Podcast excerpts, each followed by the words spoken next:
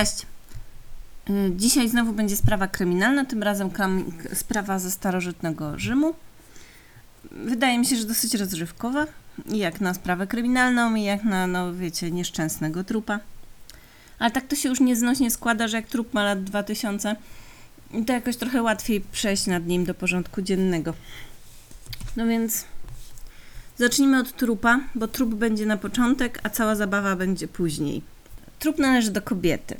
Kobieta miała na imię Apronia i była bardzo poważaną żoną poważanego mężczyzny. W Rzymie, w rzymskiej elicie mówimy, będziemy mówić tutaj o tym etapie Rzymu, kiedy panuje cesarz Tyberiusz, czyli jest to pierwszy wiek naszej ery, 24 rok naszej ery. No to małżeństwo jest połączeniem dwóch rodzin. Przede wszystkim wiąże fortuny i reputację. E, Mówimy tu oczywiście o elitach, bo szaraczkami to tam wiadomo, kto by się przejmował. No i wtedy wiążą się ze sobą sprawy dwóch familii. A im bardziej bogata familia, tym wszystko jest bardziej skomplikowane. No ale też e, Rzym jest e, ten pierwszego wieku naszej ery, jest miejscem, gdzie sprawy między rodziną się załatwia wewnątrz rodziny, a zwłaszcza sprawy między mężem a żoną. E, Kobiety nie mogą podpisywać umów, reprezentować samych siebie na przykład e, w sądzie, w urzędach.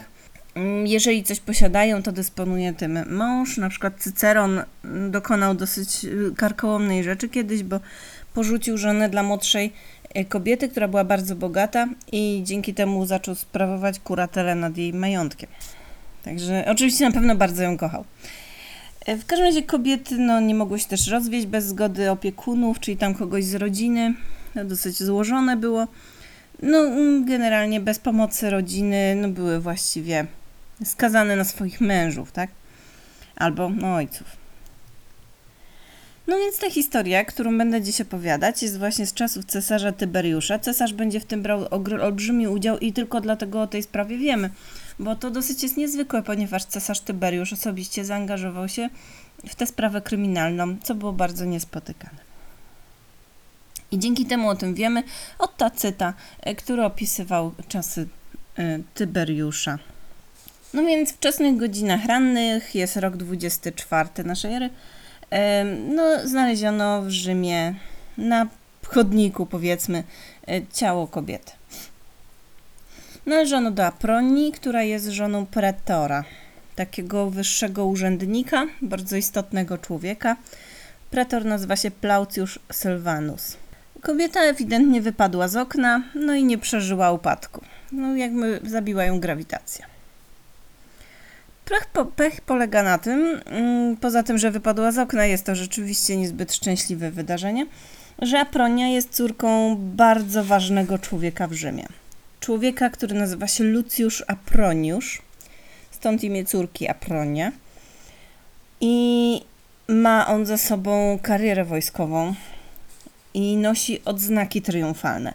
A to oznacza, jak, mm, to, że to jest po prostu coś bardzo wyjątkowego. To oznacza, że bycie córką człowieka, który nosi coś takiego jak te odznaki triumfalne, jest, jak pisze Emma Soughton e, w swojej książce o starożytnym Rzymie, jest jak bycie córką Brada Pitta. Wiecie, no po prostu wszyscy wiedzą, co to jest za typ, tak? Wszyscy chcą poślubić tę Apronię, bo jest córką Aproniusza. No i no, chcą ją poślubić, żeby spędzać czas z jej ojcem, no wiecie, nie? No ale to jakby ten. No i ojciec wybrał na, żon, na męża dla Apronii, tego właśnie Marka Plaucjusza Sylwanusa, będę go nazywać teraz tylko Sylwanusem, który właśnie był pretorem, czyli także bardzo poważaną postacią. No, tylko dla, no, dla Sylwanusa to było dosyć nieszczęśliwe, ponieważ Aproniusz nie uwierzył, że jego córka po prostu potknęła się i wypadła przez okno. W środku nocy, tak przypadkiem. Nie uwierzył też, że wyskoczyła sama, jak twierdził yy, no, Sylwanus, małżonek Aproni. No nie wiem, no rzuciła się w nocy z okna, bo chrapał czy coś, no w każdym razie Aproniusz był przekonany, że jego córka została przez swojego męża Sylwanusa wypchnięta. Był o tym na tyle głęboko przekonany, że postanowił Sylwanusa postawić przed sądem i chciał, by sprawa trafiła aż do cesarza. I teraz tak. Chodzi o to, że wtedy nie było tak, że właściwie jak ktoś został zamordowany, to zaraz przeprowadzano jakieś śledztwo czy coś w tym stylu. To, to tak nie działało. Żadna policja nie badała podejrzanych śmierci, jeżeli się rodzina nie zainteresowała tematem, zwłaszcza. Zresztą nie było sensu stricte policji. Nie była takiego przedstawiciela rzymskiego państwa, który by zajmował się sprawą, dopóki no, Aproniusz nie zainteresował nią cesarza, tak? Mordowanie żon, dzieci, mężów i w ogóle kogokolwiek jest sprawą wtedy prywatną, do której się nie należy wtrącać, o ile nie jest to zbyt ostentacyjne i nie burzy porządku publicznego. No chyba, że rodzina jest właśnie bardzo ważna, poważana i bardzo głośno krzyczy, to wtedy się tym zajęto. Ale na takim poziomie podstawowym właściwie nie miało to znaczenia. Rodzina, rodziny załatwiały sprawy między sobą. Oczywiście prawo na przykład regulowało takie pierdoły jak to, ile biżuterii może mieć na sobie kobieta. To było uważane za rozsądne, ale morderstwo to była sprawa prywatna. I jeśli właśnie opiekunowie, czyli rodzina kobiety, no, po, gdy mąż ją zabił, chcieli, to mogli jakby wynająć oskarżyciela osobiście, tak? Poprowadzić sprawę osobiście. Mogli zaprowadzić mordercę do sądu. Yy, mogli też żądać od niego rekompensaty. Ale tylko jeżeli rodzina się tego domagała. I czyli de facto tylko jeśli rodzina miała pieniądze na wynajęcie właśnie oskarżyciela, i na poprowadzenie sprawy do sądu. To po prostu tak gdzie działało. Sprawami morderstw zajmowali się właściwie bogowie i ludzie prywatni. Y, system sprawiedliwości spoczywał na barkach jednostki. To jest dosyć zabawne, bo zazwyczaj jednostką, znaczy zabawne. Zabawne będzie to, co zaraz opowiem, bo y, jednostkom, no zwykle tym biedniejszym zwłaszcza, no nie udawało się załatwić sprawy. Znaczy pewnie załatwiali to samosądami. Albo nie wiem, bracia zamordowanej kobiety szli do męża i obili mu mordę, albo żądali od niego rekompensaty. To mogło tak działać. Albo też, i był taki zwyczaj, um, umieszczenie tabliczek złorzeczących. One się nazywały deficciones. To były takie kawałki z ołowiu zazwyczaj, gdzie y, sobie tam starożytni Rzymianie wypisywali klątwy. Zawijali je wtedy albo przybijali gwoździem, zakopywali koło ołtarza, licząc na to, że bogowie się tym zajmą. Taki list do bogów, jak do świętego Mikołaja. I na tych tabliczkach, których trochę się zachowało, są zwykle rzeczy w stylu ktoś mi ukradł garnek, niech go szczury zjedzą, albo ktoś mi ukradł świnie, albo no, no wiecie, proszę bogów, by zesłali śmierć na złodzieja, no takie tam drobiazgi. No ale niektórzy ludzie, jak mówiłam, jak byli zamożni, mogli bardziej liczyć na sprawiedliwość niż inni, a takim właśnie człowiekiem był ojciec Aproni, ważny, noszący odznaki Aproniusz. Chciał sprawiedliwości wymierzonej publicznie. Chciał, by wszyscy wiedzieli, że Sylwanus jest mordercą, a jego córka, córka Aproniusza ofiarą. No i mógł e, sprawę zgłosić do cesarza. Doprowadził więc błyskawicznie, co świadczy o jego rzeczywiście dużej mocy, Sylwanusa przed cesarza Tyberiusza.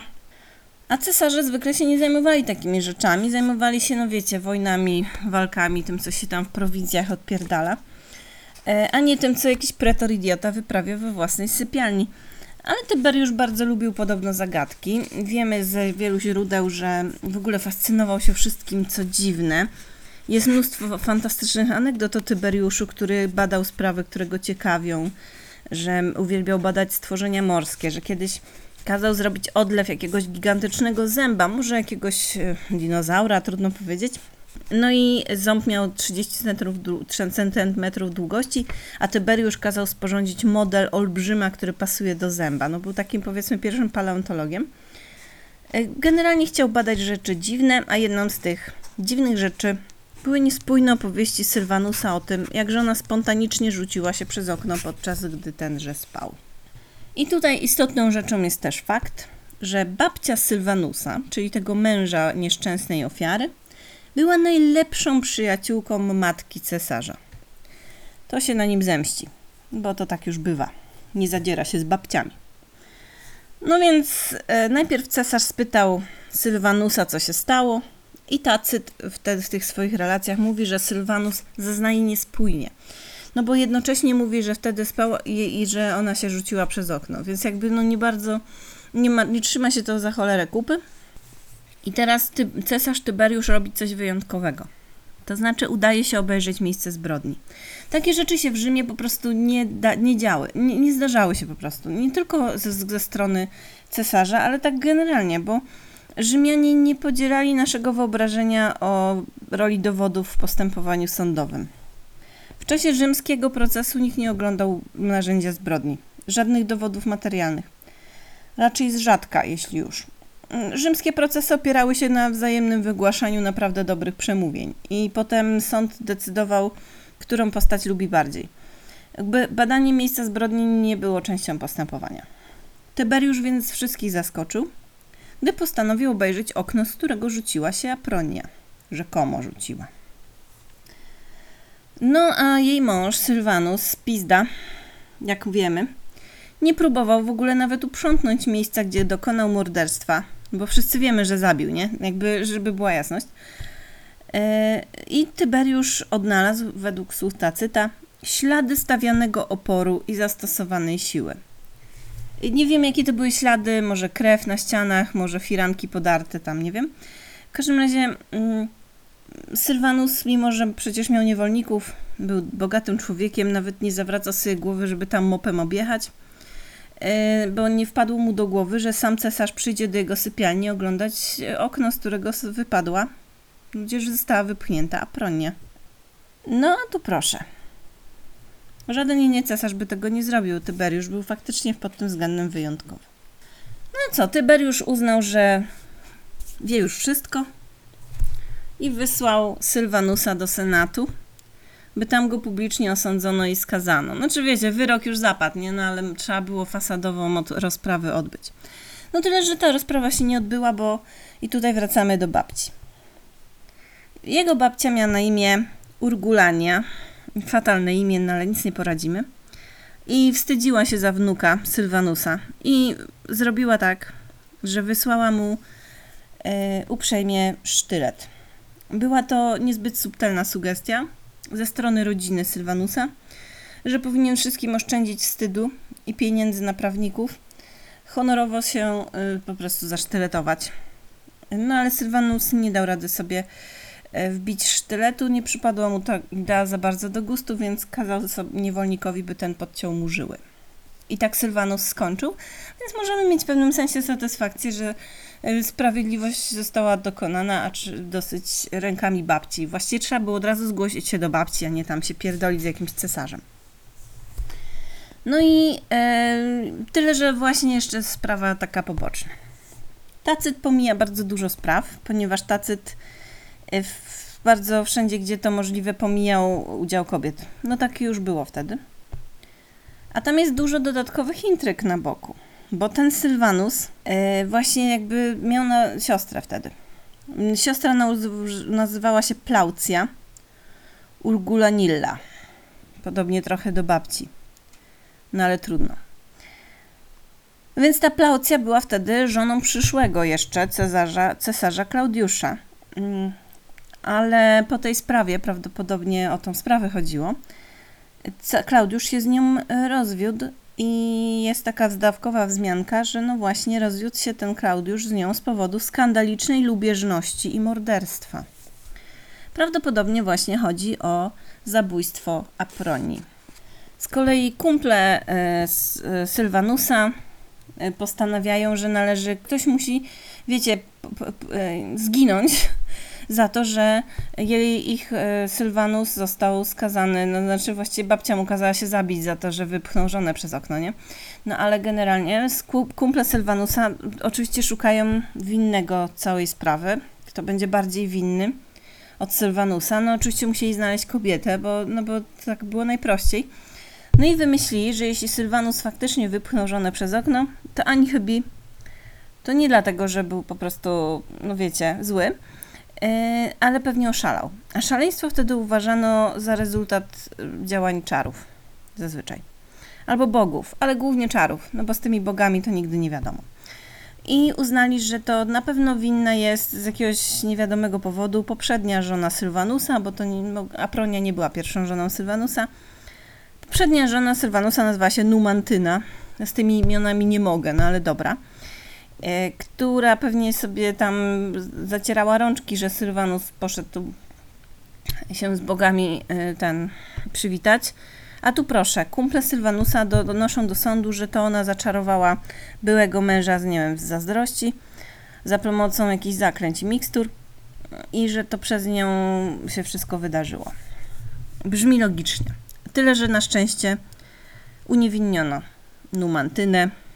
Tyle tylko wiemy, nie wiemy jak przebywa, prze, przebiegała sprawa, no ale nie udało się kumplom Sylwanusa wrobić jakiejś Bogu ducha winnej kobiety w sprawę.